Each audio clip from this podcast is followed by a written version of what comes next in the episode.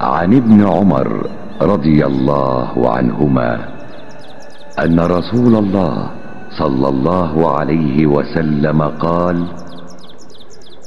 أمرت أن أقاتل الناس حتى يشهدوا أن لا إله إلا الله وأن محمدا رسول الله ويقيموا الصلاة ويؤتوا الزكاة.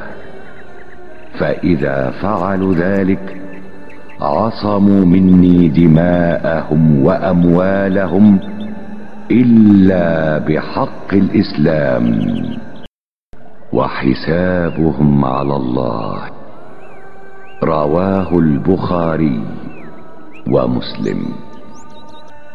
Od Ibn Omera radi Allahu anhu prenosi se da je Allahov poslanik sallallahu alaihi ve sellem rekao Naređeno mi je da se borim protiv ljudi sve dok ne posvjedoče da nema Boga osim Allaha i da je Muhammed Allahov poslanik i dok ne počnu klanjati namaz i davati zekat.